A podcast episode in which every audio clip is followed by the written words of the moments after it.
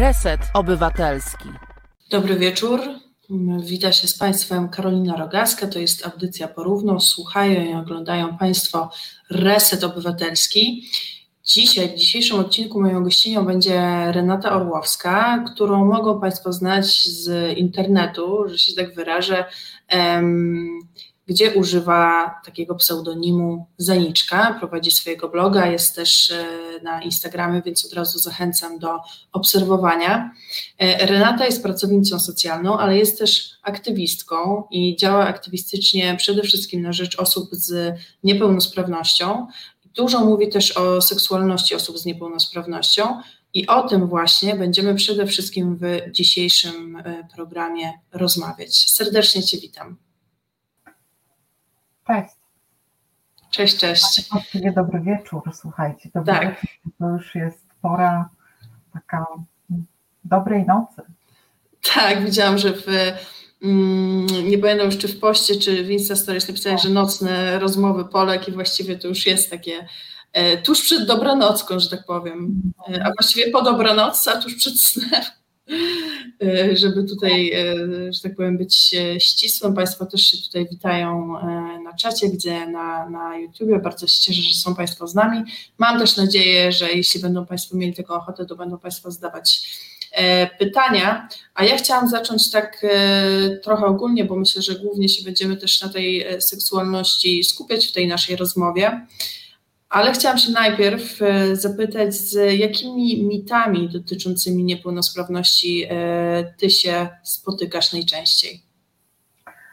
E, wiesz co, najczęstszym to jest ten mit, który mm, jakby mówi o tym, że osoba z niepełnosprawnością ruchową jest też osobą niepełnosprawną intelektualnie, tak, że nie jesteśmy decyzyjni i że nie mamy E, jakby mm, no jesteśmy traktowani tak, że nie mamy prawa głosu. Tak co często się to spotyka mm, na przykład w gabinetach e, lekarskich czy, czy w urzędach, kiedy to e, do osoby, która jest naszym opiekunem albo na przykład asystentem, urzędnik się zwraca, a nie do nas. To jest taki mhm. najczęstszy mit. I mit chyba taki, że jesteśmy leniwi, że tylko chodzimy na zwolnienia lekarskie, że nie pracujemy. To jest mhm. takie, takie bardzo krzywdzące i stereotypowe podejście, bo y, to też jest powodem do tego, że często się nie zatrudnia osób niepełnosprawnych, bo mm, zakłada się, że w związku z niepełnosprawnością będą y, częściej chodzić na te chorobowe, na zwolnienia i tak. Mhm. A jak myślisz, z czego to wynika? To znaczy, czy to wynika z takiego, mm, że tak powiem, nieoswojenia z tematem społeczeństwa i tego, że o osobach z niepełnosprawnością się po prostu nie mówiło, teraz się zaczyna trochę jakby mówić więcej, czy może jeszcze z czegoś innego? Hmm, znaczy, wiesz co, to jest tak, no nie mówiło się o tym, to na pewno, E, po drugie, e, często jest też tak, że jak na przykład się zdarzy, że, że mm, mówimy o tych rzeczach, które są negatywne bardziej niż o tym, co, co są pozytywnymi wzorcami, to jest udowodnione naukowo. Więc e, jeżeli się zdarzy przypadek taki, że ktoś z niepełnosprawnych będzie, pójdzie na to zwolnienie lekarskie, tak, to to jest, urasta do, do wielkiego wręcz problemu i jest opowiadane wieki wieków, a te osoby, które są, starają się pracować dobrze, czy starają się e, dobrze funkcjonować, no, no być dobrymi pracownikami na przykład, to mm, o tym się nie mówi, bo to no, tak dobre, no to tam po co o tym mówić, nie? Lepiej mhm. ponarzać. A jeśli chodzi o to, że traktują nas, e, jakbyśmy byli osobami, które są niedecyzyjne i nie, nie mogą stanowić o sobie, E, myślę, że duży tutaj wpływ ma na to, w jaki sposób do tej pory było postrzegana niepełnosprawność. E, ja jeszcze pamiętam czasy, bo, bo już e, jakby przeszłam przez tę całą integrację, to było w, w, latach mojej młodości się to rozpoczęło, więc moi, moje początki w klasie podstawowej, w szkole podstawowej no to osoby, osób niepełnosprawnych praktycznie nie było, tak? Polska była zdrowym krajem, jeśli się zdarzały gdzieś osoby niepełnosprawne, no to one były y, chowane, mhm. się ich wstydzono y, i to jakby mm, nie pozwalało na wypowiedzenie się tych osób, na, na to, żeby miały no, no swój udział w kształtowaniu społeczeństwa. No, mhm. bariery architektoniczne, te bariery, które mamy w głowach, tak, no to, to wszystko wpływało na to, że no, te mity dalej funkcjonują, niestety dalej. Mhm. Fajnie, że się myślę coraz więcej e, mówi i że też no właśnie same osoby z niepełnosprawnością, tak jak ty się udzielają, myślę, że internet jest też świetnym miejscem do tego w tym sensie, że jakby daje te e, możliwości, żeby docierać do jakichś e, większych grup ludzi, ale wspomniałaś też o tych barierach architektonicznych i zastanawiam się, czy dalej, no podejrzewam, że, że dalej się z jakimiś spotykasz, no ale właśnie jak to wygląda z Twojej perspektywy, bo Ty też jesteś bardzo e, aktywna zawodowo. E, no i właśnie, jak te, jak te bariery na przykład tego typu postrzegasz? Ja, jestem bardzo zorganizowana, wiesz, e, zresztą ja. Wszystkie osoby generalnie, które są niepełnosprawne i pracują i jakoś udzielają się zawodowo i są w takim stopniu niepełnosprawne jak ja, czyli są w znacznym stopniu niepełnosprawne, potrzebują asystenta praktycznie 24 godziny na dobę, muszą być zorganizowane. Ja sikam na godzinę na przykład, tak? Mam mhm. określoną godzinę i o tej godzinie się załatwiam z osobą, która mi pomaga. I tak praktycznie wygląda moje życie, czyli no, muszę mieć y, wszystko ułożone i dostosowane do, do, do mojej możliwości. I na przykład, jeżeli um, idę do pracy, no to mąż mnie odwozi, on mi otwiera drzwi, bo drzwi sama sobie nie otworzę. Mhm. Potem szefowa mnie wyprowadza, mimo tego, że jest winda, to drzwi od klatki sobie nie otworzę. Mhm. Więc, y, no to są takie drobne rzeczy, które y, powodują, że ja nadal mimo wszystko jestem niepełnosprawna. Bardzo, bo nie ma tych y, udogodnień, takich jak powinny być. U siebie w domu, w swoim bloku, na szczęście miałam taką możliwość, że spółdzielnia zgodziła się na zamontowanie y, siłownika, który mi te drzwi otwiera, tak? Mhm. Lota i on mi otwiera. W domu też mam takie drzwi. I tu już jestem samodzielna. Mogę samodzielnie wyjść i wejść. Ja, ja nie wiem, Karolina, czy ty y, możesz sobie wyobrazić, o czym ja mówię że stajesz przed drzwiami, przed których nie możesz otworzyć. Mhm. I tadam.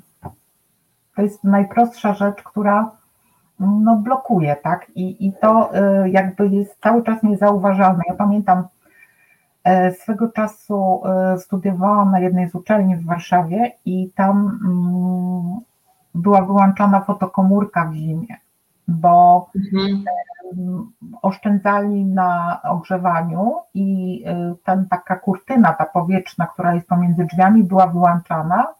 Były wyłączane drzwi, mimo tego, że były otwierane na fotokomórkę, po to, żeby było cieplej paniom, które są na portierni, bo nie chcieli dogrzewać, tak? No więc my musieliśmy się znowu szarpać drzwiami. Także mimo mhm. tego, że była y, likwidacja barier architektonicznych, to czynnik ludzki spowodował, że nadal byłam zależna. Mhm. Myślę, że gdyby, bo, bo zastanawiam się, czy w ogóle coś takiego jest prowadzone, czy słyszałaś o takich praktykach, bo mi się wydaje też, że to może w dużej mierze y, jakby wynikać z tego, że raz, że się o tym wcześniej nie myślało, ale też, że teraz dalej w tych na przykład zespołach architektonicznych, które różne budynki na przykład takiej użyteczności publicznej projektują, brakuje po prostu jakiejś konsultacji z osobami z niepełnosprawnością, więc właśnie tak jak mówisz, czy ja sobie mogę wyobrazić, pewnie by, by mi to nawet do, do głowy nie przyszło, dopóki ty, ty mi o tym nie powiedziałaś, że, że jakby drzwi są taką mm, barierą nie do pokonania i że to ch chyba jakoś tego brakuje, nie wiem. To znaczy y, problemem jest tutaj y, w Polsce to, y, ja już o tym wielokrotnie mówiłam, że my mamy system e, dostosowania budynków użyteczności publicznej przy, przystosowany dla osób, które są najsprawniejsze, czyli dla mhm. osób uszkodzeniem rdzenia kręgowego, paraplegicy, którzy mają sprawne ręce, górę mają całą sprawną. Oni są silni i oni na wózku aktywnym są w stanie otworzyć te drzwi. I dla mhm. nich y, są wszystkie inne rzeczy dostosowywane, typu na przykład y, naduszanie mydła w toalecie. Ja tego nie zrobię. Nie, mhm. nie, nie umyję sobie rąk, nie przyduszę sobie y, mydła i nie wezmę drugą ręką mydła, żeby umyć ręce. Ktoś mi musi pomóc. I to są mhm. takie takie drobiazgi i mm, to wymaga gruntownej renowacji, gruntownej zmiany, żeby dostosować y, wymogi do osób najsłabszych. Mhm. Wtedy silny sobie poradzi. Mhm. No tak, to jest zupełnie jakoś um, pomijane mam. Tak, tak, logiczne, ale też właśnie pomijane przez osoby, które, które projektują. Tak. I Coś to... myślano kiedyś tam i to niby się sprawdza. Co z tego, że jest na przykład y, przejście dla y, przejście, gdzie jest przycisk, tak? Przycisk jest na wysokości, która jest ustalona według zaleceń dostosowania, a większość osób nie podniesie ręki na tą wysokość. Mhm. I Widzisz, to są... i czekasz, aż ktoś ci włączy przycisk. To są, to są właśnie rzeczy też takie, o których, no, tak jak mówię, ja też bym nie pomyślała, ale mm, to jest jakby jedna sprawa, a jest też cała w ogóle masa tematów tabu i ty jakby te tabu przełamujesz, dużo o nich mówisz i to jest ta właśnie mm, seksualność osób z niepełnosprawnością. Mnie bardzo uderzyło, jak ty na e, blogu, ale nie tylko, bo, bo wspominałaś też o tym w swoich innych social mediach, opowiedziałaś taką sytuację, kiedy jakiś chłopak, obcy, z tego co pamiętam, zapytał cię, czy ma pani cipkę. I to było jakieś w ogóle, jakby to, że w ogóle ktoś padł na takie pytanie. O, opowiedz, jak to było, jak ty zareagowałaś, co to była za sytuacja? To znaczy tak. Wiesz co, no po prostu było strasznie głupie, tak? No bo, bo e, jak wiemy, edukacja seksualna u nas leży i mimo tego, że się mówi, jak jest zbudowana kobieta, to nadal y, osoby niepełnosprawne są postrzegane jako freak show totalny, nie? Że po prostu mają coś całkiem innego. I y, no, zdarzają się właśnie takie pytania, czy, czy, czy ma pani y, cipkę, czy, czy czujesz, czy można cię dotknąć, czy, czy w ogóle no, jak odczuwasz orgazm, tego typu rzeczy, które są, um, znaczy no my się nie różnimy budową od innych, nie jesteśmy innym gatunkiem, mhm. ludźmi, a po prostu kwestia y, braku edukacji y, seksualnej, braku mówienia o tym, że y, jest różnorodność wśród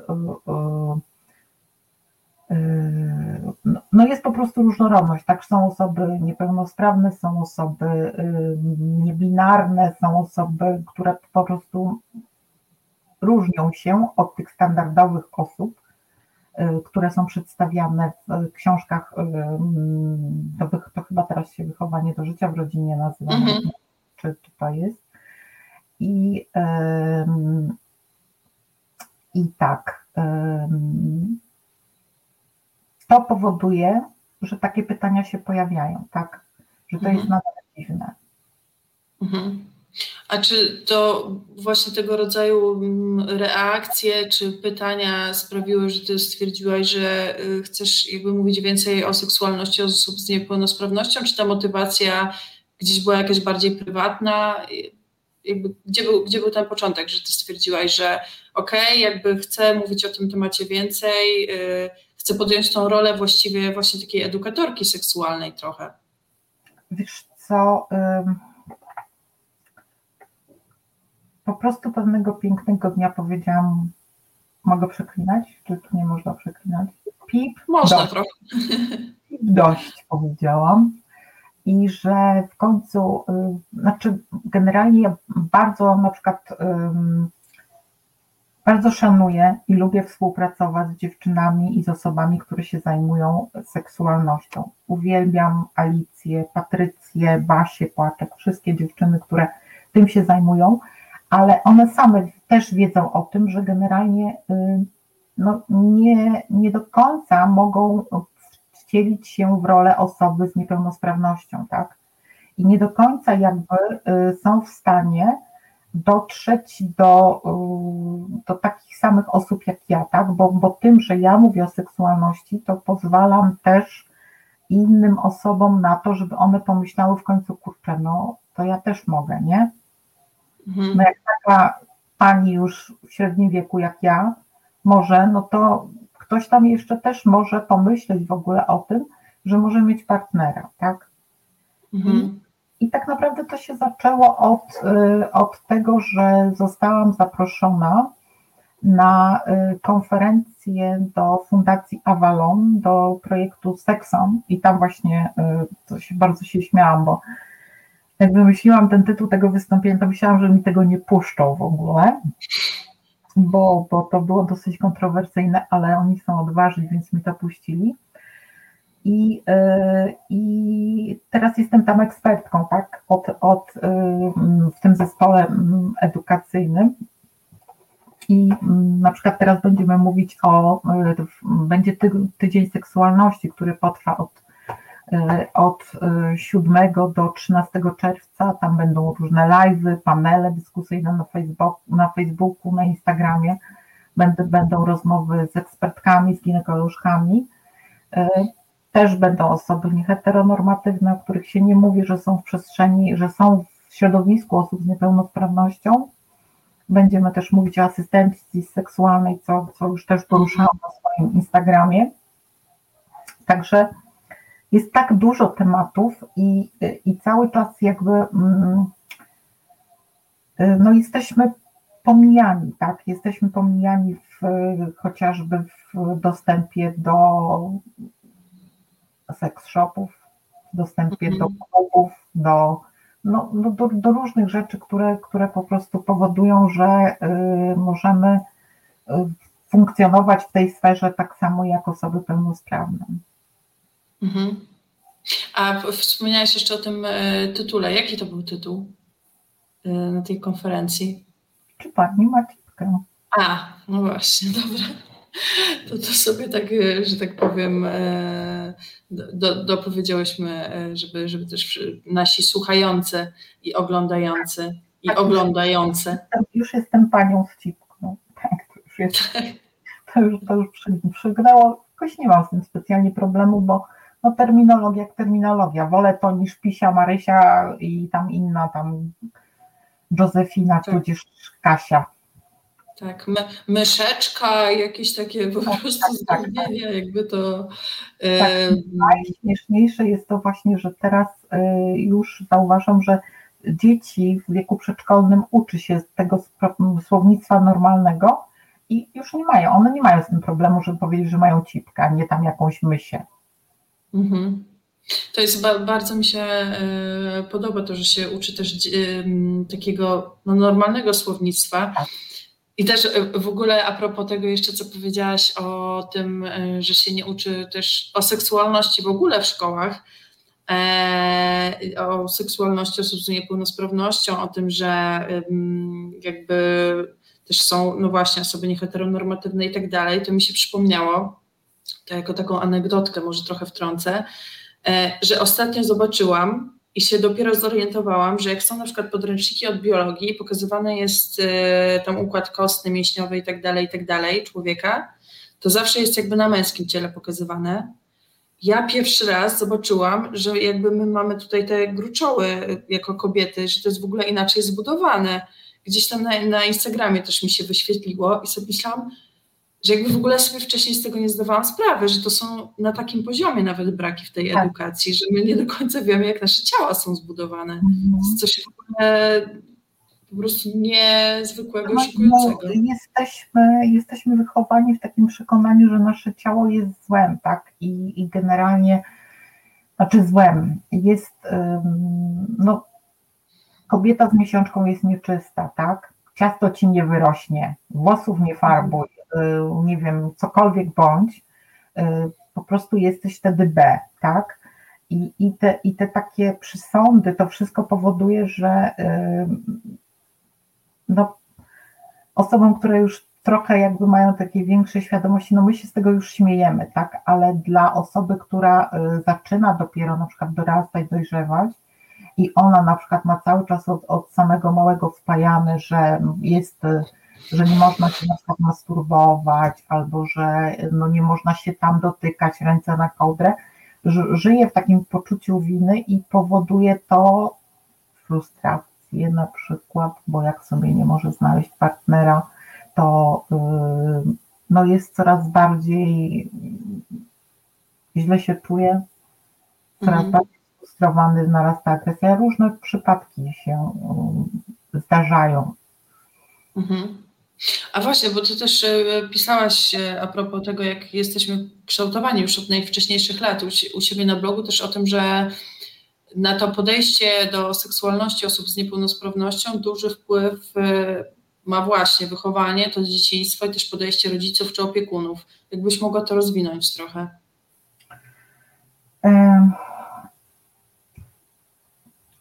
Powiem tak. Mm.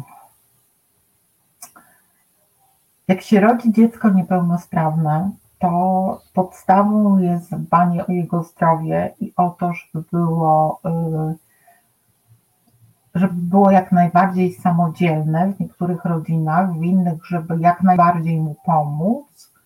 I y, to zdrowie wychodzi tak, y,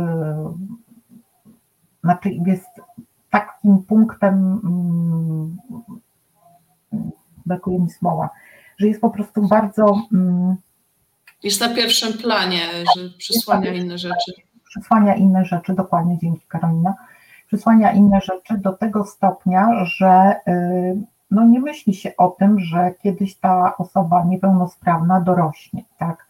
Nawet jeśli dorasta, to często też jest cały czas po jakichś szpitalach, po jakichś rehabilitacjach, wszędzie wożona. I to jest y, patrzenie przez tą perspektywę. Nie widzi się w niej osoby, nie widzi się płci, bo raz jest wygodniej ubrać jakieś rzeczy, które są wygodne, które nie określają płci, y, które na przykład obciąć włosy, bo przeszkadzają długie włosy. Wiele Wiele dziewczyn na przykład mówi, że y, odkąd coś tam się wydarzyło, na przykład pojawił się partner w ich życiu, to mogą mieć długie włosy, bo po prostu partner im pomaga je umyć, a wcześniej były tylko problemem. Mhm. No, znaczy, wiesz co, Karolina, to jest naprawdę na bardzo długą, nocną rozmowę opowie, opowiedzenie o tych wszystkich zależnościach, ale y, rodzice też mają taką, mm, takie przekonanie, że mm, jeżeli, znaczy rodzice, ja nie chciałabym tutaj generalizować, że wszyscy, bo nie wszyscy, mhm. niektórzy jak najbardziej y, akceptują y, całą y, i seksualność, i osobowość danej osoby niepełnosprawnej, ale nadal zdarzają się rodzice, którzy po prostu sobie z tym nie radzą. Mhm. Często y, ma to podłoże na przykład y, materialne, tak? Bo jeżeli jest y, osoba z niepełnosprawnością w domu, no to mama albo mama zazwyczaj dostaje ten dodatek na osobę niepełnosprawną. I jeżeli ona znajdzie sobie partnera, no to automatycznie ta mama zostaje na lodzie bez niczego. I mhm. tutaj są na przykład braki w uregulowaniu tego, mhm. że y, ten lęk przed tym, tą, bo ona, ona nie ma niczego, tak, bo ona nie pracowała, zajmowała się osobą niepełnosprawną, y, dostawała tam wsparcie i w momencie, kiedy ta, ta chłopak czy dziewczyna odchodzi, bo sobie znajdzie partnera, no to ona zostaje na lodzie, tak? Mhm. I w tym momencie pojawia się to, że a to nie idź, bo on cię zostawi, albo ona cię rzuci, albo on albo skrzywdzi cię. No, dużo, dużo różnych takich rzeczy, które powodują, że lęk w osobie niepełnosprawnej narasta. I mhm. jeżeli nie ma w sobie wystarczającej dozy determinacji i nie ma wsparcia w partnerze, no to ma problem z tym, żeby założyć na przykład rodzinę. Mhm. Czyli to jest Ale takie. Do... Przepraszam cię. E, ja bym nie chciała, żeby to wybrzmiało, że to jest, jak, e, że to jest um, wina tych rodziców, to jest wina systemu. O to mi mhm. chodzi. To jest wina systemu, bo generalnie powinno być to tak uregulowane, że ta osoba, która się zajmowała osobą niepełnosprawną, powinna mieć prawo do tego, żeby mieć jakieś uposażenie po jej usamodzielnieniu się na przykład, albo mhm. możliwość powrotu do pracy w, na normalnych warunkach. Mhm. No właśnie, bo to tak sobie e, myślę, jak mówisz o tym systemie, że to jest taki e, też system, i to tak działa w Polsce, że ten system generuje dużo lęków. Tak. Daje trochę e, jakiegoś wsparcia finansowego, niestety jest one niskie, ale no właśnie przy tym generuje dużo lęków, bo sobie myślę, starając się jakby wczuć w taką sytuację, no też bym się bała po wielu latach, kiedy e, zajmowałam się e, swoim dzieckiem i byłam, byłam wyłączona z systemu pracy, powrotu na ten rynek pracy i w ogóle tego, że ja żadnej pracy nie dostanę albo dostanę, nie wiem, pracę poniżej kwalifikacji albo no, no, no, nie wiem, jakby cokolwiek, że to po prostu jest system, który generuje ogromną mm, ilość lęku i, i nie, nie daje żadnych rozwiązań. I to powoduje, że jest tak trudno osobom z niepełnosprawnością usamodzielnić się i zadbać o swoje potrzeby, zadbać o wszystko, bo to, to wszystko się ze sobą wiąże, niestety. Mhm. No, jest to, jest to tak po prostu, na, na, mam wrażenie, że na tylu poziomach yy, potrzeba zmiany, że to jest też czasem jakby trudne do, do ogarnięcia E, głową. Tak, tylko najgorsze to, że my nie e, szukamy, znaczy rząd, społeczeństwo i, i ogólnie nie szukamy zmiany, tylko nalepiamy kolejne plasterki, typu kolejne 500, plus, kolejne 300, kolejne 150 i nalepiamy kolejne plasterki na to, co już jest, żeby się jakoś trzymało, a dalej nie ma tej przestrzeni na samodzielność dla niepełnosprawnych, tak? Mhm. Mam nadzieję, że to yy, znaczy najbliższym czasie, patrząc po zachowaniach polityków i polityczek, też podejściu do ich, do osób z niepełnosprawnością, bo ciągle mam w pamięci też te protesty, które się, które się odbywały w Sejmie i pamiętam, jak wtedy politycy i polityczki traktowali osoby z niepełnosprawnością i to było coś yy, no, okropnego. A ale jednak. Szczepieniami cię nie przeraziła? Yy, słucham? Taka akcja ze szczepieniami cię nie przeraziła? Ale no tak. Też jakby traktowanie w ogóle. No, to jest. Y, to, to jakby chcia, chciałoby się mieć y, tą y, nadzieję, ale w takim kraju żyjemy, że, że nie jest łatwo ją posiadać. Zaraz przejdziemy dalej w tej e, rozmowie, jeszcze pogłębimy te wszystkie wątki, ale też chciałabym, żebyśmy miały chwilę na złapanie oddechu i w, takim wypadku poproszę Krzysztofa, żeby nam coś tutaj pięknego zagrał. Słuchasz Resetu Obywatelskiego. Reset Obywatelski działa dzięki Twojemu wsparciu. Znajdź nas na zrzutka.pl. Witamy po przerwie. Krzysiek nam jak zwykle tutaj piękny muzyczny kawałek e, zaserwował jeszcze w temacie nadziei, o której mówiłyśmy, więc e, naprawdę idealnie. Słuchają Państwo i oglądają Reset Obywatelski. E, moją gościną dzisiaj jest Renata Orłowska i rozmawiamy między innymi o seksualności osób z niepełnosprawnością. Pojawił się mój kot, który lubi tutaj plusiu, ale może nie tą stroną. Lubię się zaprezentować po prostu z najlepszej strony zawsze w trakcie audycji. Um, ja się też zastanawiam, e, z jakimi, e, po pierwsze, z jakimi się reakcjami e, spotykasz czy spotykałaś, kiedy mówisz o seksualności osób z niepełnosprawnością, ale też, czy to coś zmieniło w Twoim życiu w takim sensie, w podejściu właśnie do tej seksualności, czy do samej siebie, czy do jakiegoś rozumienia swoich potrzeb?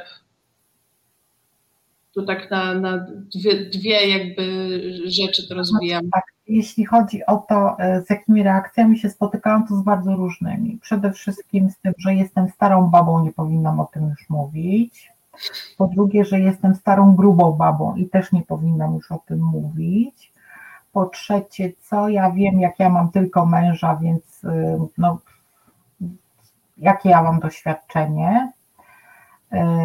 Po kolejne to, że może bym się tak zajęła czymś innym, a nie tylko tym seksem i tylko się wybijam na tym seksie i tylko ten seks.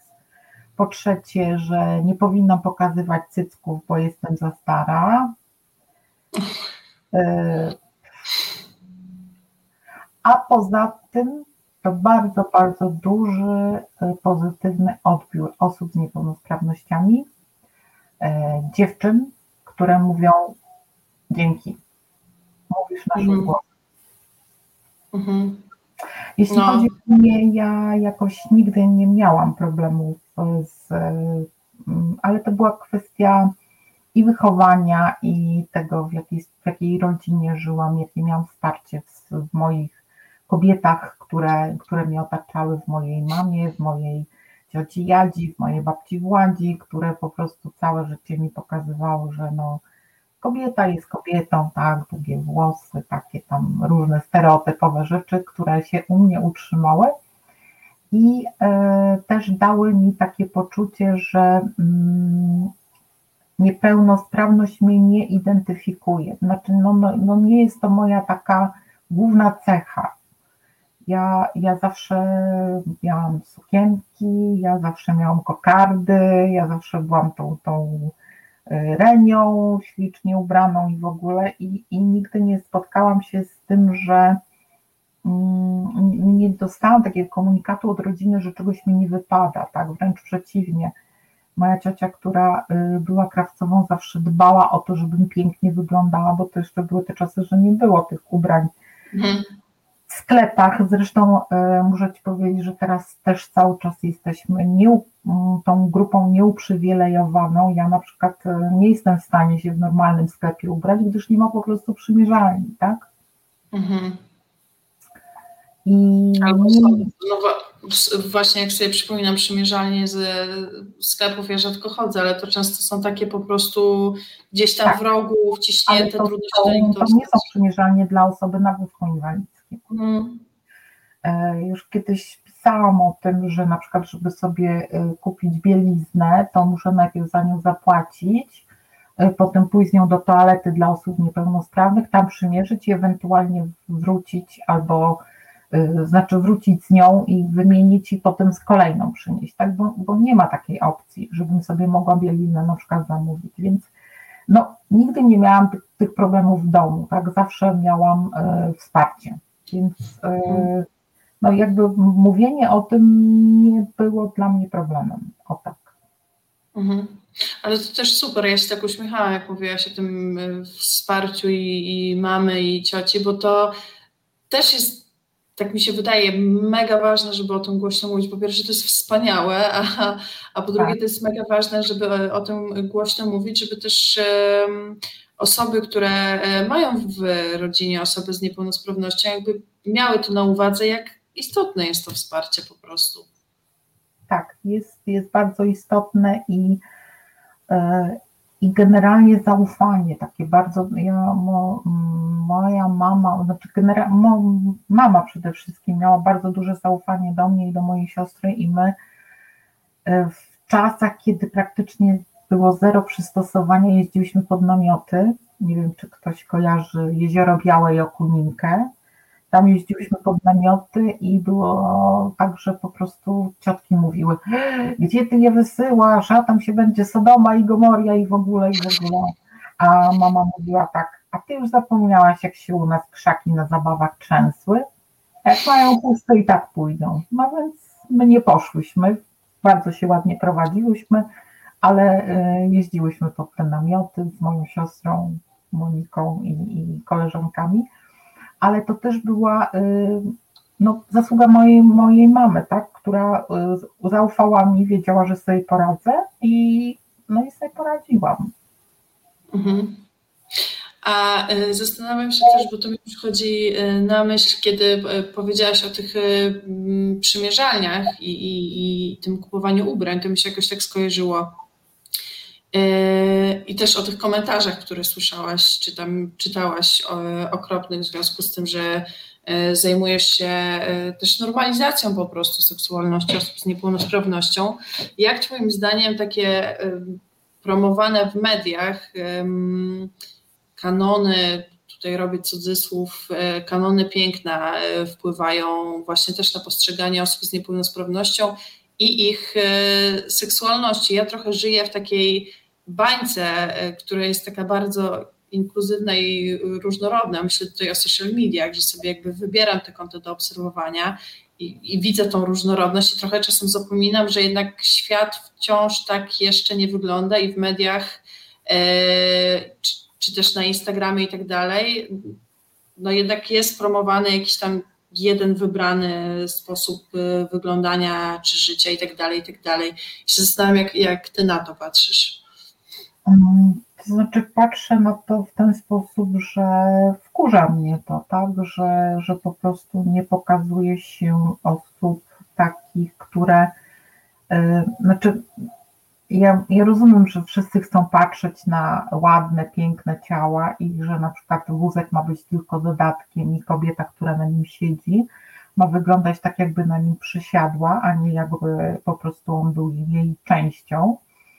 I okej, okay, w porządku, że są piękne, ładne dziewczyny, które jeżdżą na wózkach i one jak najbardziej jest dla nich przestrzeń, ale nie ma przestrzeni dla tych, które nie są w kanonie, tak? Które mhm. są, y, mają jakieś defekty, które mają y, za dużo ciała, które mają jakieś y, deformacje ciała i tych osób, które są takie piękne i takie idealne, to tak jak w społeczeństwie, tak jest jakiś procent, nie? A większość ma, ma te rozstępy, ma te krzywizny, ma, ma, ma różne y, rzeczy, które, y, których nie widzi w mediach i które powodują, że jeszcze bardziej się chce schować. Mhm. No tak, bo obserwujemy ten taki um, idealny, wykreowany też czasem um, sztucznie, szukujmy się przez jakieś tak, programy graficzne i tak dalej, świat. I, i... Nawet jeśli jesteś na wózku, to też możesz wyglądać idealnie. Mhm. E, widzę tutaj, że pan e, Konrad tutaj skomentował, że e, kojarzy to jezioro białe, Okuninkę niedaleko Włodawy, jeszcze Polonez. No, my jeździliśmy autobusem, Okuninka to były najlepsze lata, po prostu czad. No, ym, jeszcze tutaj widzę komentarz pani Moniki, która też mówi, że osób z niepełnosprawnościami brak w przestrzeni e, publicznej i że z tego powodu jesteśmy traktowani jako osobny gatunek. To też o tym, e, też o tym wspominałaś. Tak, to nie ma, nie ma urzędników niepełnosprawnych. Nie wiem, czy jest jeszcze jakiś pracownik socjalny na wózku w Polsce. Jeśli jest, to bardzo chętnie poznam bo e, pracownik e, socjalny jest no, bardzo wykluczającym zawodem i mhm. ja naprawdę dostałam wielką szansę, że mogę pracować w zawodzie, ale pracuję e, w domu pomocy społecznej, dlatego mogę pracować, tak? bo, bo inaczej no, nie byłabym w stanie, bo mm, po prostu nie wejdę do domu osoby, z którą bym miała przeprowadzić wywiad. Nie wiem, czy oglądałaś kiedyś taki film Słowo na L? Nie oglądałaś filmu Słowo na L? Polecam bardzo. To jest film o y, lesbijkach w Los Angeles, chyba w Los Angeles, w jakimś amerykańskim mieście, to już mniejsza większość. W każdym razie tam jest taka scena, że y, dziewczyny mają zaadoptować dziecko i przychodzi do nich pracownica socjalna na wózku i życzy sobie, żeby ją wnieść. Mhm. Proszę, u nas by to nie przeszło. Mhm.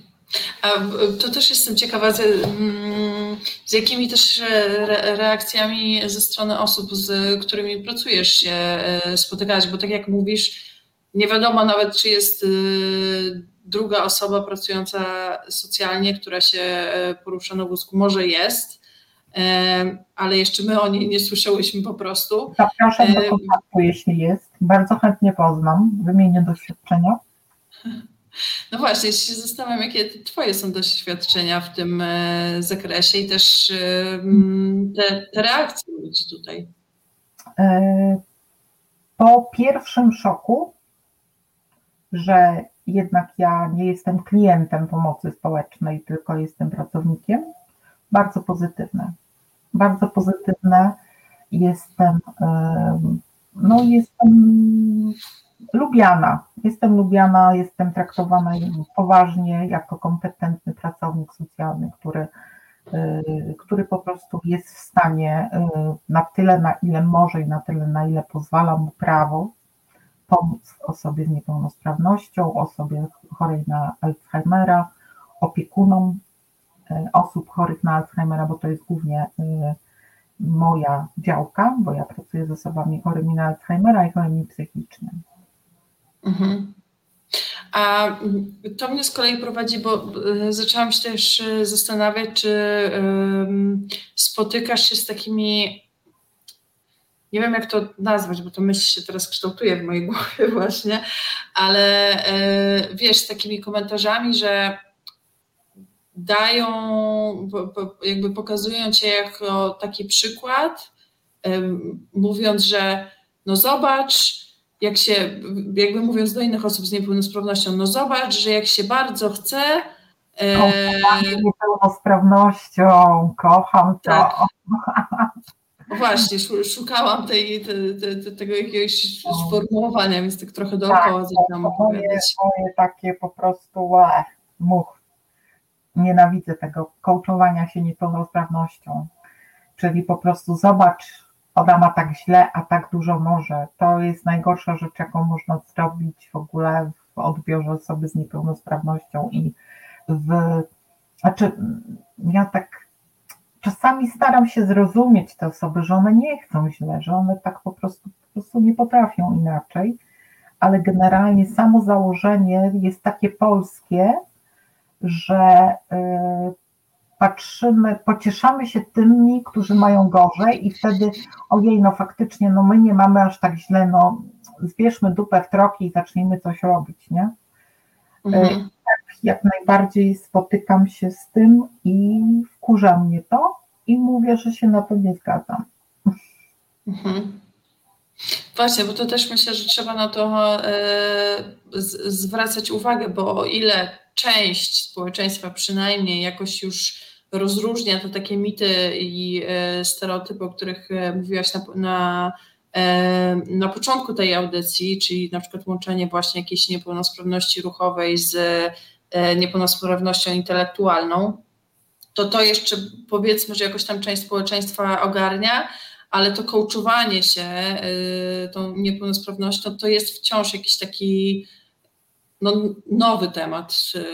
To jest, to, jest, to jest po prostu modne, bo to jest takie, wiesz, takie robienie super kaleki, nie takiego bohatera z tej osoby niepełnosprawnej, a to, to nie o to chodzi. To chodzi o to, żeby mhm. normalizować osoby niepełnosprawne, bo wśród osób niepełnosprawnych naprawdę no, są różni, różne osoby. Są osoby naprawdę bardzo fajne, są osoby, które są złodziejami, są osoby, które są oszustami, są osoby, które nie są fajne i niemiłe, są niemiłe. I yy, nie można tak generalizować, że o, ten ktoś, znaczy generalnie sam fakt y, pocieszania się tym, że ktoś ma gorzej, to jest po prostu najgorsze dziadostwo, jakie może być, no, dziaderstwo. Dlatego jak ja czytałam, jak była mała, książki była, pamiętam, Ania z Zielonego Wzgórza i była Polianna. Polianna. I z Anią, tak, właśnie, bo ona była taka jakby Ania z Zielonego Wzgórza robiła to, że się pocieszała tym, że ktoś miał gorzej, co mnie tak, strasznie wkurzało, tak. a Polianna była taka, wow, ktoś ma lepiej, czyli e, być może ja też będę mogła mieć lepiej, fajnie, cieszę się tak. jego szczęściem. I to było w ogóle takie cudowne, uwielbiam tą postać. Jakby. Uwielbiam, Najlepsze to było to, jak ona e, dostała e, te kule, myślała, że dostanie lalkę, dostała kulę i tak, no cieszę się, że tego nie potrzebuje, ale może komuś się przyda i w ogóle, a, kocham Poliannę. Tak, też żałuję, że bardziej popularna jest Ania z Zielonego Wzgórza, bo jestem Team Polianna. No, super. Mm, o, tutaj pani Monika, to też to, o czym mówiłaś, że się zapomina na przykład o tym, że osoby queerowe mm -hmm. też są osobami z niepełnosprawnością. Pisze, że jest tak. e, bardzo. Tak, mhm. tak właśnie pisze tutaj, że jest super, że osobie, że jest e, fajną osobą z niepełnosprawnością ruchową, do tego osobą transpłciową, więc to też e, dobrze, e, dobrze o tym pamiętać, że, że to się jakby nie, nie wyklucza, że się może łączyć. Wyklucza, że się łączy i że, i że to nie jest, um, to jest norma, że są takie osoby, tak, bo, bo są, tak, i że, że no, niepełnosprawność może być różna. W sensie tym, że może być różno, nie różna e, w sensie niepełnosprawności, tylko jest różnorodność e, osób o różnych e, tożsamościach, o różnych upodobaniach i no, to jest normalne, także nie tylko są osoby niepełnosprawne, nie zakładajmy, że osoby z niepełnosprawnościami to tylko osoby heteroseksualne. Mhm. A y, często się y, spotykasz z czymś takim, że wymaga się od ciebie, y, żebyś jakby była reprezentantką wszystkich osób z niepełnosprawnością, bo to się czasem zdarza w przypadku osób z jakiejś mniejszości, żeby jedna osoba, jak już się wypowiada, to po prostu reprezentowała od razu wszystkich. Mm, ja od tego bardzo uciekam, dlatego że zawsze podkreślam, że to jest jakby moje zdanie i ewentualnie mogę się opierać na kilku kilku doświadczeniach, jeżeli mówię o, o na przykład o przemocy wobec y, osób z niepełnosprawnościami, to mam, y, to mam jak to nazwać? Poczekaj, poczekaj, poczekaj. Jeżeli mówię o przemocy, to mam konkretne y, informacje, konkretne jakby dane od danych osób, ale ja, ja nie czuję się przedstawicielką całej grupy niepełnosprawnych, absolutnie. Ja mówię za siebie. Mhm. Mhm. To też. To też jest kolejna rzecz, o których ja to dzisiaj powtarzam, że warto o tym pamiętać i warto tak, o tym myśleć. To, to są moje doświadczenia, to są moje, moje e, przemyślenia, to są moje mm, rzeczy, które mnie spotkały i e, jakby ja nie chciałabym być postrzegana jako jakaś wyrocznia, czy po prostu totalnie, wiesz, że że tak to, że tak to wygląda. Nie, ja przez wiele lat pracowałam na uczelni jako konsultant do spraw osób z niepełnosprawnościami i miałam naprawdę bardzo dużo, y, duży kontakt z osobami z niepełnosprawnościami, które mm, pochodziły z różnych środowisk, miały różne doświadczenia i na tej podstawie mogę wyciągnąć jakieś wnioski, tak? Ale to nie znaczy, że wszyscy tak mają. Nie. Mhm. Mhm. E, to teraz e, poproszę Krzysia, żeby znowu nam coś e, pięknego zagrał. My się wtedy nie wiem, napijemy wody, złapiemy oddech i zaraz do Państwa powrócimy. Słuchasz Resetu Obywatelskiego. Znudzeni mainstreamowymi newsami? Czas na reset obywatelski. Zaangażowane dziennikarstwo.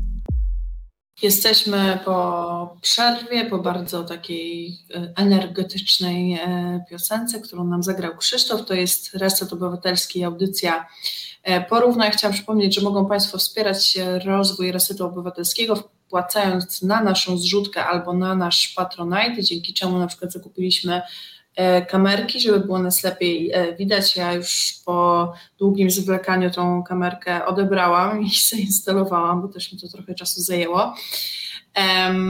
Także zachęcam Państwa bardzo mocno do tego, a my wracamy do rozmowy o seksualności osób z niepełnosprawnością i też sobie myślę, że jeżeli mowa o seksualności, to też nie sposób e, pominąć kwestii zdrowotnych czy takich medycznych w tym kontekście.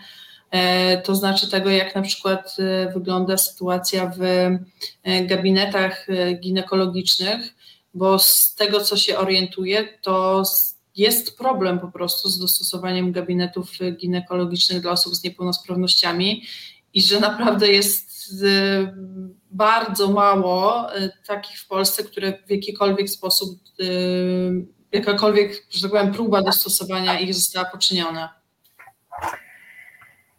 E, tak, to jest bardzo, bardzo trudny temat i cały czas e, spychany na boczny tor. Cały czas się wydaje wszystkim, że na przykład e, leżanka załatwi sprawę, tak? a y, jak wszyscy dobrze wiemy, to y, na tą leżankę też trzeba się jakoś dostać i często osoby z niepełnosprawnością, kobiety albo osoby, które się czują kobietami, nie są w stanie się przesiąść, tak? I mhm. dlatego na przykład jest niezbędny taki sprzęt jak podnośnik. A to, to już jest luksus totalny. Podnośnik, który przede wszystkim chroni opieku, y, personel medyczny, bo on nie musi dźwigać tej osoby, tylko y, podpina go i przenosi. I y, chroni też osobę z niepełnosprawnością, bo jest bezpieczna. Mhm. Nie będzie nikomu. Tego nie ma. Nie ma tych gabinetów przystosowanych, a nawet jeżeli się znajdą już na tyle zdesperowane osoby, które się na tą leżankę przesiądą albo pojadą ze własnym podnośnikiem do gabinetu, to yy, się okazuje, że jest takie pytanie. Nie rodziła, nie współżyła, współżyła. Współżyła i już jest po prostu od razu inna rozmowa.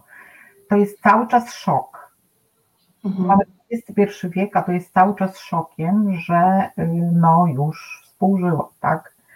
Y, następnie drugim szokiem jest to, że osoba taka potrzebuje na przykład tabletek antykoncepcyjnych, nie? Mhm. No bo, y, no ale to, to co? Ma pani partnera? No nie mam. No ale to nie mogę mieć tabletek, no ale to będzie pani uprawiała seks? No, no po co mi tabletki? Takie po prostu gadki z dupy, za przeproszeniem. Mhm. Tłumaczenie po prostu o rzeczy oczywistych lekarkom, lekarzom, którzy cały czas y, widząc osobę z niepełnosprawnością, która odbiega od ich kanonu i od ich mhm. wymyślonej wizji, y, powoduje to, że oni y, traktują ją jak UFO. Mhm to, że y, na przykład, nie wiem, ta, ta lekarka czy ten lekarz, ta osoba nie jest dla niej atrakcyjna seksualnie, ta osoba z niepełnosprawnością, to nie znaczy, że ona nie ma partnera. Ja znam bardzo wiele dziewczyn, które odbiegają od kanonów, a mają fantastycznych, bardzo przystojnych mężczyzn, mhm. partnerów.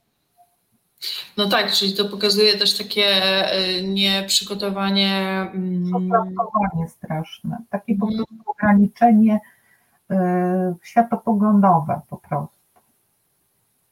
Pamiętam też kiedyś y, robiłam wywiad z Anią Kozłowską, która, która ma synka i też jest osobą z niepełnosprawnością i no też mówiła, że jak przyjeżdżała w ogóle w ciąży, że długo też szukała lekarza, który by tam odpowiednio jej tę ciążę poprowadził, ale że to też było szokiem, że, że Jakim cudem przyszło Pani do głowy, żeby się w ogóle zdecydować na to, że Pani będzie posiadała dziecko? Jakby odbieranie takich no, podstawowych praw do, do decydowania o sobie, do decydowania o tym, że się chce no o tym posiadać rodzinę. na samym początku, że cały czas jesteśmy postrzegani jako osoby, które nie są w stanie podjąć świadomej decyzji.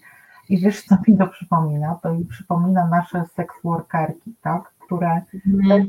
odbiera prawo do tego, żeby decydowało o własnym ciele, tak? Tak. Że one y, są wtłaczane w y, stereotyp y, patriarchalny, że one są zmanipulowane, a one po prostu świadomie podejmują decyzje, tak? Tak, też, też im się odbiera to jakby e, to prawo i tak się. No, A to też z kolei prowadzi do tematu, e, który z sexworkingiem jest związany, e, czyli do tematu asystentury seksualnej, tak. która w Polsce nie występuje. Nie występuje i myślę, że y, nadal jest to temat, który budzi, będzie budził i budzi bardzo dużo kontrowersji, bo po pierwsze jest związany właśnie z sexworkingiem, a z drugiej strony z seksualnością osób niepełnosprawnych, z trzeciej jeszcze jest to y, rzecz taka, która y, nam się nie należy, bo, bo to w ogóle no po co, po co te rzeczy, po co o tym mówić ogólnie. I y, no, no myślę, że, że tutaj jest bardzo duże pole do tego, do, do współpracy, tak, z Sex Work Polska na przykład y, i osób z niepełnosprawnościami, żeby mm, no, powodować, żeby na przykład praca seksualna była pracą żeby została pracą legalną, tak, żeby dziewczyny normalnie mogły pracować i normalnie, żeby można było zatrudnić taką asystentkę i na przykład uzyskać na nią dofinansowanie. Mhm. Bo to też trzeba, jakbyś mogła w ogóle przybliżyć sam koncept e, asystentury seksualnej, bo też myślę, że to jest właśnie pojęcie, szczególnie w Polsce, w jakiś tam sposób nowe czy niespotykane. No potrzeba, by też pewnie było jakichś, nie wiem, kursów, jakiegoś rodzaju przygotowania, bo to też nie jest tak, że ktoś sobie tak Mm, Tak, na pewno będą, będą, potrzebne, y, będą potrzebne kursy przede wszystkim z takich podstaw, y, to takie brzydkie słowo, nie? ale to, to jedynym tak mi się nasuwa z takiej mm, obsługi, pomocy osobie z niepełnosprawnością, też poznania na przykład y, tego, jak funkcjonuje, jak, jakie są funkcjonowania, jak- w jakim stopniu może dana jednostka chorobowa funkcjonować, jakim nie może, jakie, na co się może narazić, bo na przykład są osoby, które mają spastyczność, tak, i oni tego nie kontrolują. To może powodować, że będą jakieś, y, mo- może na przykład niechcący kopnąć taką osobę, tak, i o tym musi seksualworkerka wiedzieć, asystentka seksualna musi o tym wiedzieć, ale to jest wszystko do nauczenia, jak najbardziej, i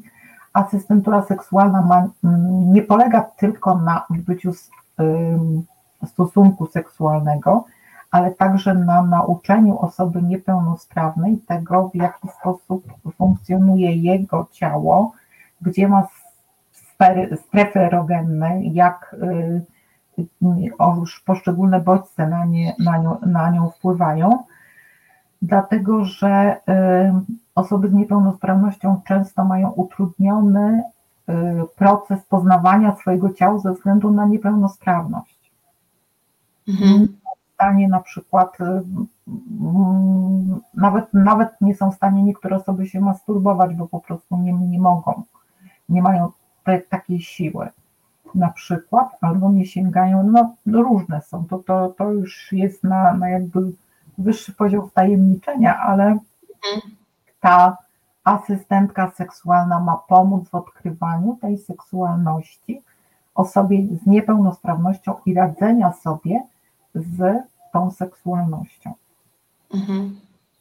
Też jak e, mówisz o radzeniu sobie, to, ym, to może będzie jakiś taki, nie wiem, ym, ekstremalny przykład, jeden z wielu, ale pa- pamiętam jak na którymś ym, z protestów, już nie pamiętam, który to był, jakby kiedy dokładnie to się działo, nie, nie potrafię tego umiejscowić w czasie, ale przypomniała mi to wypowiedź takiej mamy, e, która ma syna z niepełnosprawnością. Ja opowiedziała taką historię w związku właśnie z tą seksualnością, że no ten jej syn, który też nie, roz, jakby nie, nie rozpoznawał do końca tych granic, nie umiał sobie radzić. powiedzieć. Wiem o czym chcesz powiedzieć. Mówiłam to ostatnio, przepraszam, u, u Julii w Polkach Sekielskiego chodzi o gwałcenie matki, tak? Mhm. Tak. Właśnie, że to jest jakby je, je, tak, dlatego, taka rzecz. Przepraszam mhm. cię. Mów. Nie, mów, mów, mów, mów, mów. E, dlatego, że po pierwsze nie, nie, nie został, e, albo został tak wychowany, że dla niego masturbacja jest złem, a po drugie nie potrafi sobie poradzić z tym, żeby mm, rozładować to napięcie właśnie samo, sam. E, po drugie, e, no tutaj dochodzi ewidentnie do gwałtu, do przemocy i to jest tak skomplikowana sytuacja i tak trudna sytuacja, że e, znaczy, ja bym nie chciała tutaj, żeby, żeby to było odebrane, że y, on się wyżyje na y, asystentce seksualnej, to da spokój matce. Mhm. Nie. To chodzi o to, że on, ta asystentka pomoże mu zapanować, pomoże mu nawet y, odkryć swoją seksualność na tyle i gdyby miał dostęp do takiego, do takiej usługi po prostu, to on by wiedział, że na przykład, nie wiem, dwa razy w miesiącu ta osoba przyjdzie i on by sobie na nią czekał spokojnie. Bo to nie jest tak, że, że to jest po prostu, wiesz, szał i on robi to totalnie, nie? Tylko po prostu, no, sam sobie nie potrafi z tym poradzić. Nikt mhm. mu nie tłumaczył. E, nad e, e, taką mm, o seksualności osób z niepełnosprawnością intelektualną bardzo dużo mówi Izabela Fornalik. To jest bardzo wspaniała dziewczyna, która, która jest no, specjalistką w tym. Także mhm. polecam poczytać jej książki, polecam się zapoznać z, z literaturą, którą ona tworzy. A jak w ogóle myślisz, jak by mogła wyglądać e, w tym ta, taka edukacja seksualna, która dotyczyłaby też właśnie osób z niepełnosprawnością, która by była kierowana do E, osób młodszych, no bo ja jestem jakby z takim postulatem, żeby już od najmłodszych lat edukować we wszelkich kwestiach, tylko oczywiście językiem dostosowanym do, e, do wieku w jakiś sposób. Po pierwsze w podręcznikach yy, szkolnych pojaw, powinny się pojawić osoby z niepełnosprawnościami. Mhm. Tego nie ma. Jest Ala, jest Tosia, jest Bolek i Lolek, ale nigdzie nie ma tam, nie wiem, Renaty na wózku, tak? Mhm. Tylko, y, tylko cały czas mamy to pokazywane zdrowe społeczeństwo. Nie ma też osób grubych, prawda? Mhm. Wszyscy jesteśmy szczupli i piękni i e, pokazywanie różnorodności i pokazywanie e, tego, że, że świat y, nie jest tylko tym, co widzimy w telewizji, w kolorowych czasopismach i na stronach i na Instagramie poprzez FaceApp, nie? Mhm. To, to y, dużo, dużo by ułatwiło, bo mm, jakby podejście dzieci jest na tyle fajne, że one nie mają uprzedzeń, tak? Ja wiem, jak dzieciaki reagują na mnie, nie? One, mm, ja na przykład y, czasami mam takie sytuacje, że jakieś dziecko w sklepie płacze i tam rodzic próbuje nad nim zapanować, ono widzi, że przejeżdżam i się zawiesza, nie? No więc ja mu włączam wtedy światła jeszcze i mówię, zobacz, jakie fajne mam światła i ono przestaje na przykład płakać, nie? To jest dla niego normalne. No pani pojechała na wózku, ale fajny sprzęt i w ogóle, nie? A, i one nie mają z tym problemu. To nie jest dla nich jakiś, że o biedna, tylko oni postrzegają, kurczę, no fajna bryka, nie? W ogóle mhm. no, wow. Yy, ja też nie mówię, żeby tutaj się zachwycać teraz w tym momencie, że, że ktoś jeździ na wózku, bo, yy, bo to nie o to chodzi, ale chodzi o to, żeby to było y, znormalizowane. Mhm. A spotykasz się właśnie a propos tego zachwycania z jakąś taką fetyszyzacją czasem osób z um, niepełnosprawnością, czyli to właśnie z takim przegięciem, że tutaj o... Ale, ale czy ty uważasz, że to jest przegięcie? E, wiesz co, no zależy jak na to e, spojrzymy, bo jeżeli takie, wiesz, no. stawianie i tutaj e, jakby też robienie trochę zamiast takiego normalizowania, robienie takiego zjawiska, wiesz, o, o coś takiego mi chodzi. Tak, że, że jest na przykład tak, że, że są, fetyszyzuje ich powiedzmy, nie wiem, blizny, amputacje, różne rzeczy, i jeżeli moim zdaniem, oczywiście, bo to jest tylko i wyłącznie moje zdanie, jeżeli jest to jasna sytuacja dla obu stron, dla tej osoby niepełnosprawnej i dla tej, która ma taki fetysz, to mhm. jest ok, moim mhm. zdaniem. Mhm. I dla mnie spoko. Mnie na przykład, nie wiem, e, znaczy tutaj strzelam akurat, bo to nie jest na przykład, nie wiem, fetyszował brody, tak? no to szukam faceta z brodą, nie? I wybieram tylko takich, innych eliminuję.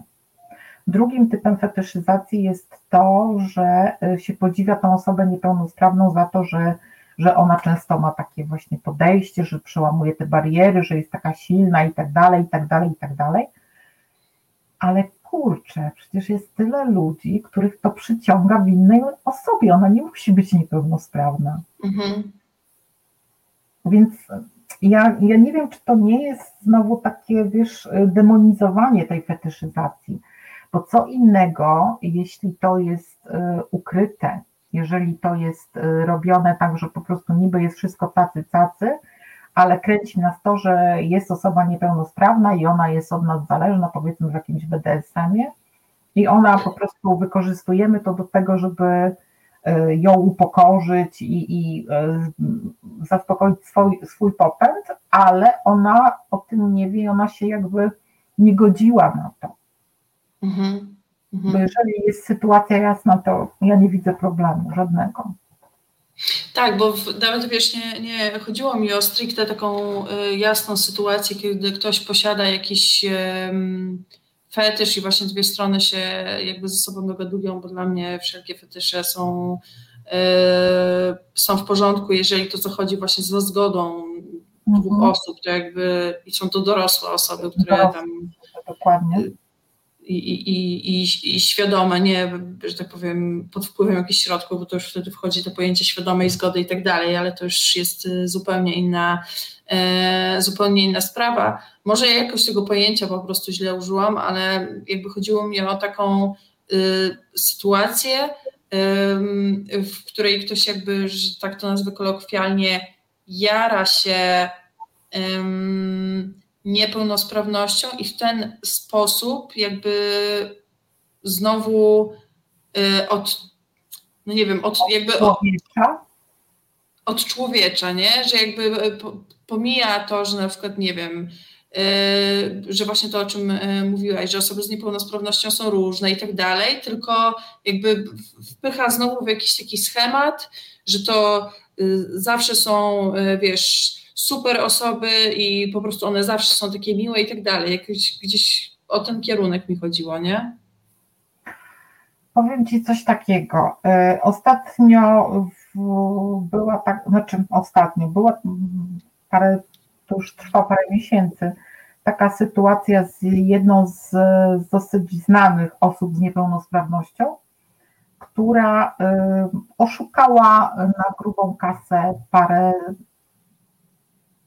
paręset osób. Tak? Mhm.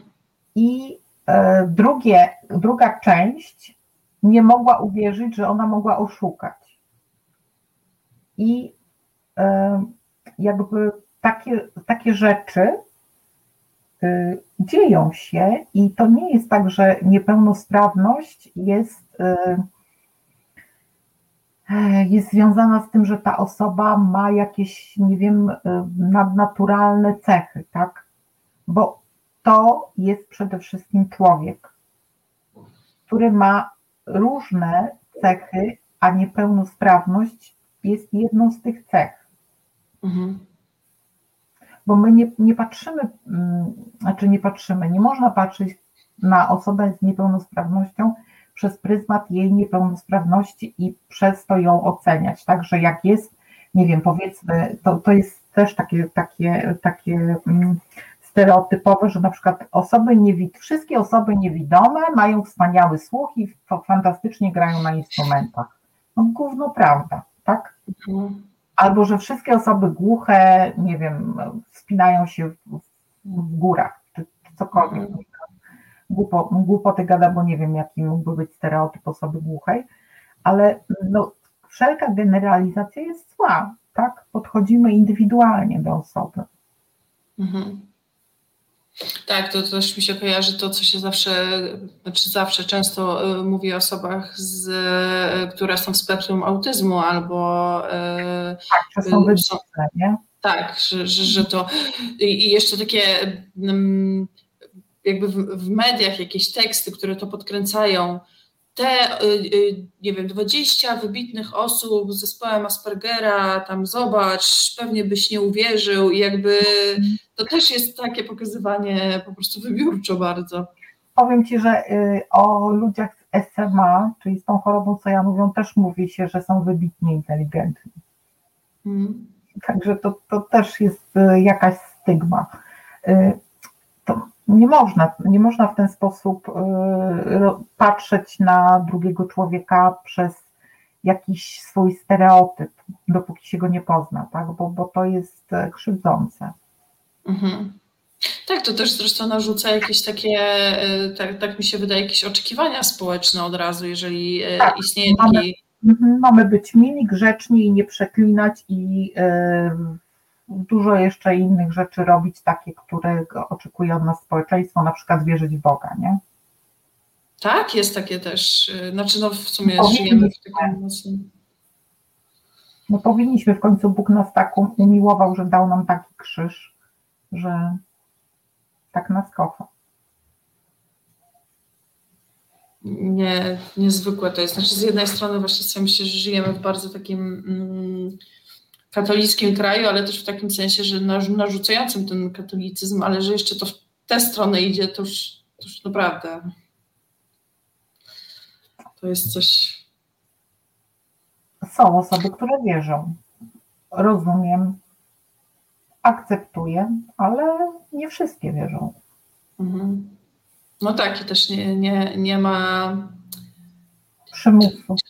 Tak, tak. Jeszcze y, trudno mi jest czasem y, zrozumieć, znaczy trochę jakby rozumiem z jakich powodów. Ja się na przykład spotykam y, z tym, że mm,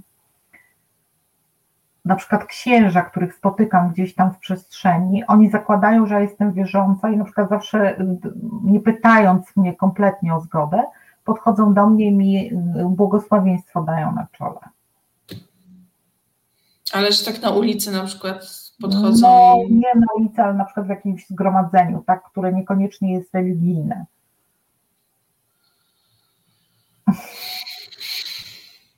Ale to w ogóle jest od razu jakby przekraczanie też takiej, wiesz, granicy. Tak, ale jest, jest przekraczanie granic, szczególnie u osób starszych, które mają jakby takie, takie poczucie, że one mogą y, jakby one tak okazują sympatię, na przykład głaszcząc, ja mam bardzo dużo włosów, nie? I one bardzo czują potrzebę, żeby te włosy dotykać. Co mnie wkurwia, bo ja nie lubię, jak mnie ktoś dotyka bez pytania. Mhm. Jak w takiej sytuacji reagujesz? No.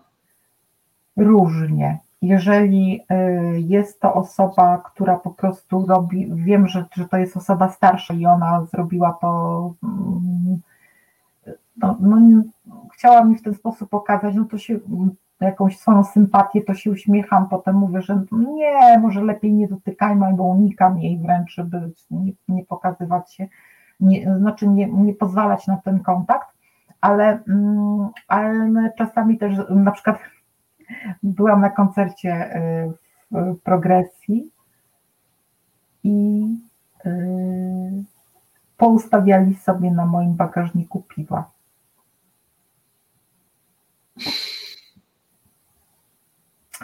Byłam z przyjaciółką, która cały koncert, rapera zresztą, bardzo fajnego, którego lubię, yy, cały koncept odganiała ich, żeby nie stawiali piwa na moim bagażniku, nie?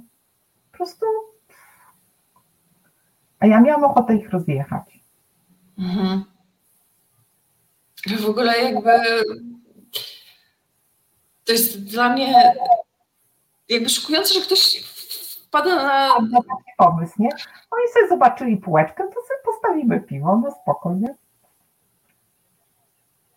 I nie zapytali nic, nic. No coś, na koncercie, proszę cię, wszyscy krzyczeliśmy i śpiewaliśmy kawałki. No, ale powiedziałaś, że właśnie, że w jednej z, z mm, w jednym rodzaju... Kto, zależy kto, naprawdę. Jeżeli to Mhm. jest, y, zależy jaka sytuacja, czasami potrafię być naprawdę bezczelna i powiedzieć, że nie jestem wieszakiem, albo że po prostu nie, y, nie życzę sobie takiego traktowania, takiego dotyku, zależy kiedy, ale potrafię być miła i powiedzieć to grzecznie, potrafię być wredna i powiedzieć to niegrzecznie, jeżeli, jeżeli to jest jak to się nazywa, recydywa, to już jestem bardzo niegrzeczna. No i dobrze.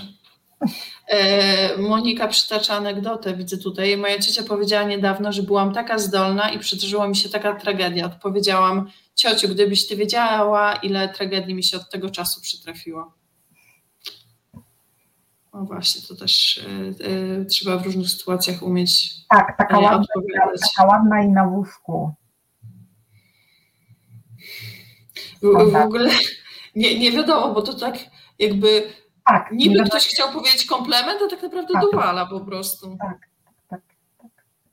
To też jest takie stereotypowe i bardzo, znaczy na, na szczęście już się coraz mniej to spotyka, tak, takich zachowań, no, ale tak, jest to jeszcze, jeszcze się to, y, albo takie naruszanie granicy na zasadzie, a co się pani stało?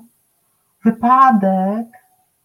I takie wiesz, y, zdrowego by nie zapytał, nie? Na przykład, y, nie wiem, no, no, no traktowanie takie jak dzieci, no, takie upupianie, no. Ja myślę, że też fajnie, y, jakby ktokolwiek, komu przychodzi do głowy jakieś takie zachowanie czy pytanie, żeby najpierw odpowiedział sobie na pytanie, jakby się czuł, jakby go mm, ktoś o coś takiego zapytał, jakby, żeby jeżeli ktoś nie ma takiego filtra od razu wbudowanego, czy sobie go jeszcze nie wyrobił, to niech to może filtruje w ten sposób, zanim się y, w jakiś sposób zachowa i właśnie na przykład będzie podchodził i dotykał albo jakieś takie Nie rzeczy. mają takiej refleksji, słuchaj, nie mają kompletnie. Bo to widać, wiesz kiedy? Y, Jak parkują na 5 minut na kopercie. Mm. No tak, tylko na chwilkę. Tylko na chwilkę.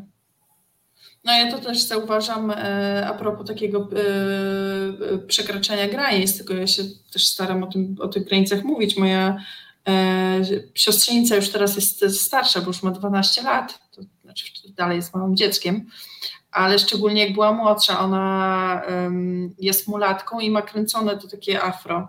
I też ludzie obcy potrafili po prostu podchodzić na ulicy i o, dotknę, jakie fajne włosy. No jakby, czy, Tak. czy, czy zrobiliby coś takiego innemu dziecku? No nie.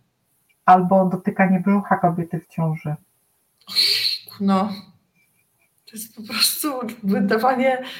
No, ale to jest w, w ogóle jakaś taka mm, społeczna y, zmiana a propos stawiania ym, Granic. i uczenia się tego, że ludzie te granice mają, że nie jest tylko tak, że my je mamy, ale że inni też te granice mają. Ale to jest w ogóle jakiś temat na, y, myślę, długą edukację y, jeszcze, a tymczasem ym, chciałabym, żebyśmy sobie czegoś posłuchali i posłuchały jeszcze przyjemnego, więc tutaj poproszę Krzysztofa, żeby nam coś puścił, a ja jeszcze potem podpytam o wizerunek medialny też e, osób z e, niepełnosprawnością. A tymczasem grubo. będzie grubo. Słuchasz Resetu Obywatelskiego. Reset Obywatelski. Medium, które tworzysz razem z nami. Komentuj, pisz i wspieraj. No i jesteśmy e, po przerwie. To jest audycja porówno. Słuchają Państwo Resetu Obywatelskiego. E, Moją gościnią dzisiaj jest Renata Orłowska. i rozmawiamy o niepełnosprawności. Większość audycji to była temat seksualności osób z niepełnosprawnością, a teraz chciałam podpytać jeszcze o to, jak pokazywany jest w mediach wizerunek osób z niepełnosprawnością. Mam na myśli um, szczególnie jeden program, który no jeszcze nie było pierwszego odcinka, on się pojawi za kilka dni, 16 maja. Jest to program To tylko kilka dni, w którym e, pojawią się celebryci i celebrytki, które wkroczą w życie osób z niepełnosprawnością. E, no i będą przez te kilka dni, jak wskazuje sam tytuł, zastępować opiekunów czy e, opiekunki, czy też asystentów i asystentki osób z niepełnosprawnością. No i dużo emocji e, budzi to, że ten program się pojawi. Dlaczego aż tyle emocji? To znaczy tak, są dwa obozy bo e, jedna grupa osób z niepełnosprawnościami bardzo się cieszy z tego powodu, że ten program powstał.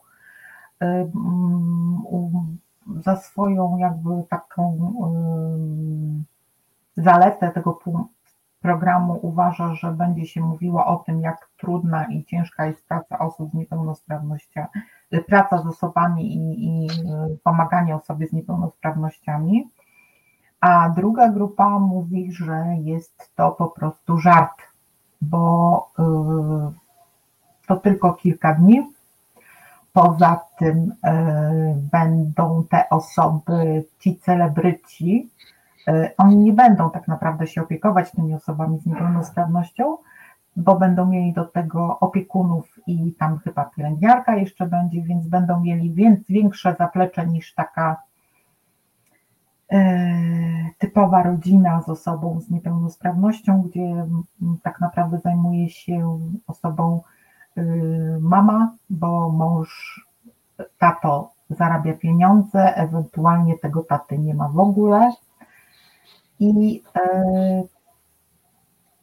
no i tak to wygląda. Tak, takie, są, takie są stanowiska. Mhm. Jak ten program będzie przedstawiony, to zobaczymy 16 maja. Przyznam się, że ja na początku się bardzo, bardzo wkurzyłam, jak zobaczyłam, że, że coś takiego y, powstaje.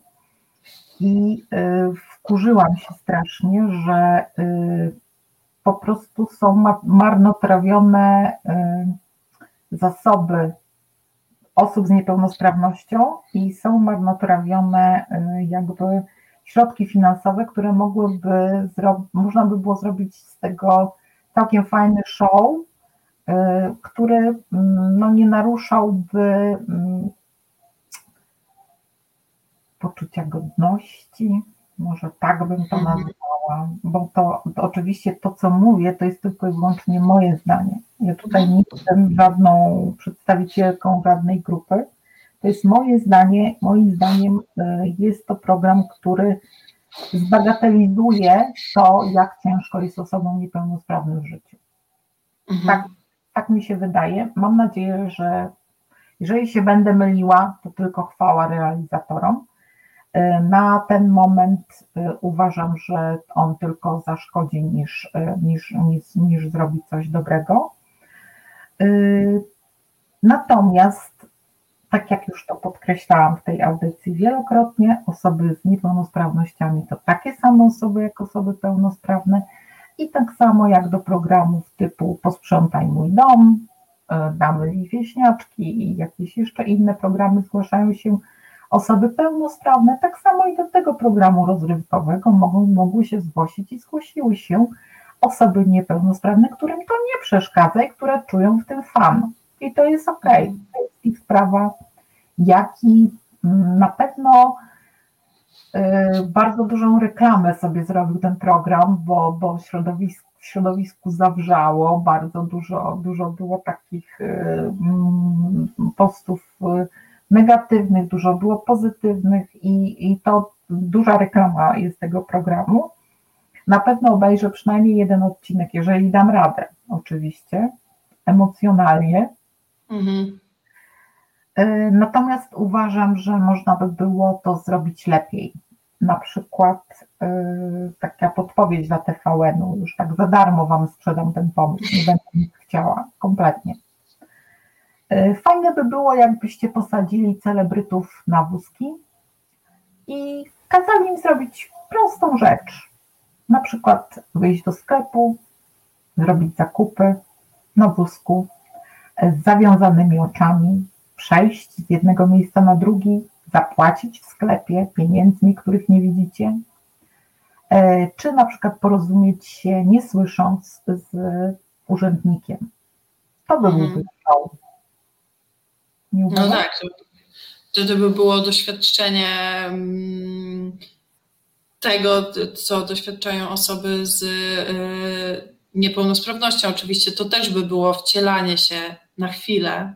na chwilę, ale gdyby musiał zrobić to kompletnie sam, bez pomocy, bez wsparcia, można by było jeszcze tak, żeby trochę pod, podnieść y, jakby oglądalność, to można by było dać im tyle samo pieniędzy, ile mamy i zrobić z tego reality show, nie? Taki powiedzmy miesiąc życia za te pieniądze, które mają osoby z niepełnosprawnością. Mm. To mi się kojarzy z mm, tym w Warszawie funkcjonuje e, coś takiego jak niewidzialna wystawa, gdzie Tak. jakby można doświadczyć. I, można też kolację chyba zjeść w jakiejś restauracji, y, nie widząc też. Mhm. No. Tak, na tej, na tej niewidzialnej wystawie to już wiele lat temu, jak ona się otwierała. Byłam Natomiast- i rzeczywiście to jest uświadamiające bardzo, tak. Natomiast nadal y, nie mamy reprezentacji osób niepełnosprawnych w mediach. Mm. Nadal y, nie mamy dziennikarzy z niepełnosprawnością, nadal, y, chociaż ostatnio w polskim filmie był, zagrał prawdziwy niepełnosprawny, niepełnosprawnego syna, już nie, pamię, nie pamiętam tytułu y, tego filmu, to taki nowy film, tam mm, w komentarzach potem Wam on napisze, o jaki mi tytuł chodziło, tam Kinga Price grała matkę i córka wyjechała szukać y, po śmierci ojca do, do Londynu i tam grał, zagrał prawdziwy, niepełnosprawny, prawdziwego niepełnosprawnego. Cud nad. Wisłą, bo wcześniej to tylko e, były udawanki, tak? I po prostu wszyscy gratulowali, że ktoś tak ładnie umiał się wcielić w osobę niepełnosprawną. Jakbyśmy nie mieli osób niepełnosprawnych, które mogłyby tą rolę, takie role zagrać. Co prawda szkoły aktorskie chyba nadal nie przyjmują osób z niepełnosprawnością do, do w swoje progi, ale to tak samo jak seminaria też nie przyjmują osób z niepełnosprawnością, y, to ym, naturszczyki też potrafią grać. Mhm. Właśnie, to tej reprezentacji zdecydowanie brakuje. No nie tylko w filmie, gdzie tak jak mówisz, grają aktorzy i aktorki, osoby z niepełnosprawnościami, ale też po prostu w takiej przestrzeni medialnej no Tak. nie ma ich. Mamy, mamy naprawdę fantastyczne osoby. Pamiętam kiedyś, kiedyś, nie wiem nawet jak to się zakończyło, y, bo była taka rekrutacja na dziennikarza chyba, chyba też to było wtedy do jakiejś stacji tej prywatnej y, i chyba w końcu nie wyłoniono żadnej dziennikarki, ale wiem, że bardzo wiele moich koleżanek, które mają wspaniałą dykcję, mają dar wymowy, było tam na tych, na tych przesłuchaniach i i chyba to gdzieś ucichło, nikt tego, nikt tego dalej nie pociągnął. Y, Poza tym też cały czas, jeżeli mm, nawet mamy przedstawiane gdzieś osoby niepełnosprawne, to one nie są jakby, mm, mi brakuje tego, żeby to było jeden z elementów, żeby niepełnosprawność była jednym z elementów rzeczywistości. Żeby to nie było y, tylko i wyłącznie y, coś, na czym trzeba skupić totalną uwagę. Na przykład, nie wiem, reklama piwa, gdzieś wszyscy siedzą w barze i między innymi siedzi ktoś na wózku, tak? To jest normalizacja. Mhm. Czy nie wiem, mm, jakieś kosmetyki i też reklamuje to dziewczyna na wózku, czy chłopak na wózku, czy ktokolwiek bądź inny, w- niesłyszący, niewidomy, ktoś z niepełnosprawnością. Tak, takie jakby no po prostu naturalne, nawet nie to, że wplatanie, tylko traktowanie po prostu naturalnie tego, że osoby z niepełnosprawnością są wśród nas i jakby się gdzieś tam pojawiają w życiu, bo też myślę sobie od, od takiej mm, strony, ale to najwyżej mnie skoryguje, że też jak tej reprezentacji nie ma, to osoba z niepełnosprawnością może jej jakby też trochę nie przyjść do głowy, że ona może pracować w telewizji czy, czy w jakiejś właśnie takiej przestrzeni publicznej, bo nie widzi tych jakby wzorów, że tak powiem, że, że nie widzi tych innych osób, które tam są. E, to też niekoniecznie chodzi e, o media, wiesz, bo, bo tak naprawdę e, nawet w urzędach, tak, nawet w, w takich, no nie wiem, usługach, tak, Przecież paznokcie można robić na, siedząc na wózku. Mhm. Są zawody, które można wykonywać, będąc osobą niepełnosprawną. I niekiedy się zdarzają na przykład osoby niewidome, które są masażystami, tak? Ale to też jest jakiś stereotyp, tak? Bo, bo ten masaż przez osoby niewidome to, to jest to, to był w ogóle taki jeden z, proponowanych im zawodów i one nie, nie wszystkie nie wszystkie, mm, niekoniecznie wszystkie osoby chcą to wykonywać, ale nie ma takiego, y, znaczy ja swego czasu się bardzo ucieszyłam, jak weszła ustawa, ustawa czy taka rozporządzenie, że mają być zatrudniane osoby niepełnosprawne w administracji publicznej. Mhm. I gdzie one są? Gdzie są niepełnosprawni w kancelarii prezydenta? Tak.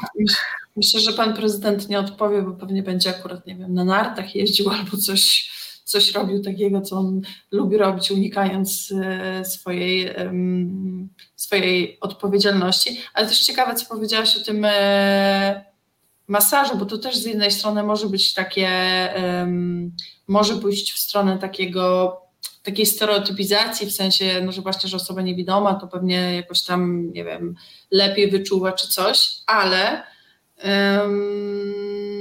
pamiętam, że do mojej mamy wiele lat, bo ona miała jakiś tam e, wypadek samochodowy i tam przychodził jej nastawiać kręgi szyjne i to wszystko tam, że tak powiem, ustawiać.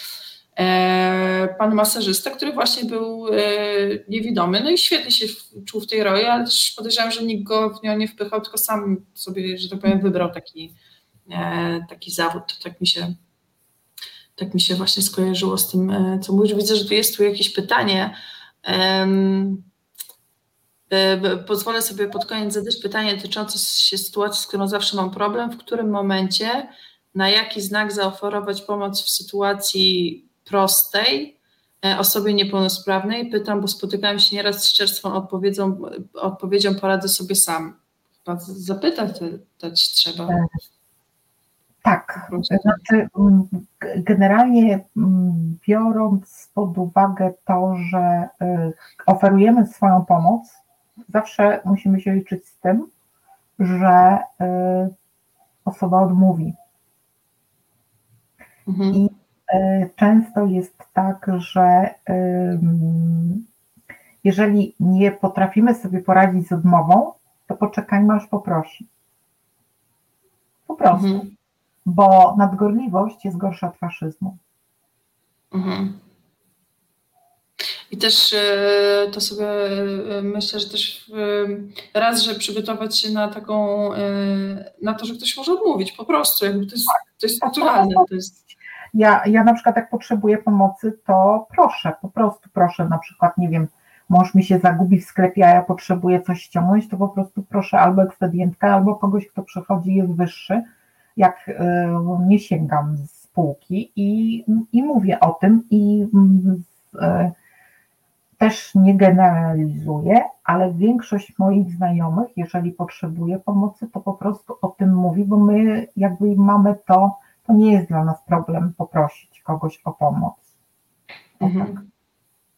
I też ważne, żeby w razie czego też pytać, żeby nie dochodziło do tych sytuacji, o których mówiłaś wcześniej, czyli takiego przekraczania granic, jakby nie róbmy niczego bez pytania. Tak, tylko... Nie łapać za żaden wózek, nie, nie, nie ciągnąć, nic tam nie, no, no nie, no nie, chyba, że, że naprawdę jest jakaś sytuacja taka, że ktoś wypada z autobusu, no to wtedy ratować, nie? Ale, ale generalnie jak, nie dzieje się nic, co zagrażałoby życiu i zdrowiu, no to po prostu zapytać, albo po prostu y, czasami warto się nawet uśmiechnąć, to wtedy już jest tak sygnał, że dana osoba. Ja pamiętam kiedyś, jak uczyłam się w Konstancinie i tam był taki autobus 710, jeździliśmy nim do Warszawy zawsze z Konstancina, to było tak, że y, no, musieliśmy z łapanki brać tych ludzi, bo te autobusy były nieprzystosowane, więc y, szukało się wzrokiem, kto w ogóle czai bazę i się uśmiecha, bo niektórzy kompletnie w ogóle odwracali się w tą stronę i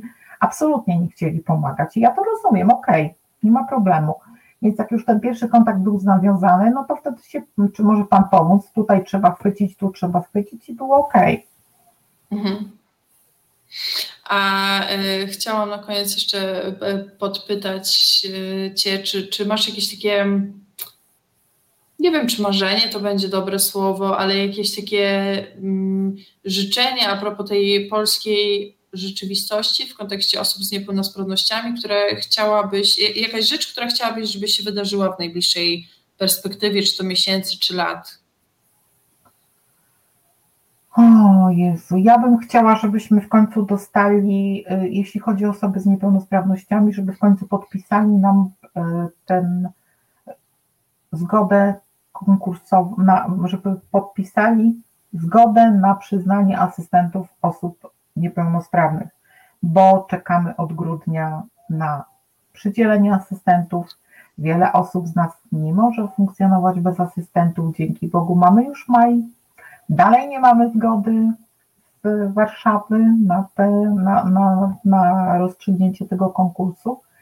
I po prostu y, znowu y, społeczeństwo zostało oszukane, tak? Bo, bo wy, wy, my, to brzydkie słowo, ale osoby pełnosprawne widzą, że na przykład y, osoby z niepełnosprawnością mają asystentów osoby niepełnosprawnej, osobistych, którzy będą pomagać. A to wygląda tak, że my mamy tych asystentów przyznanych na góra pół roku.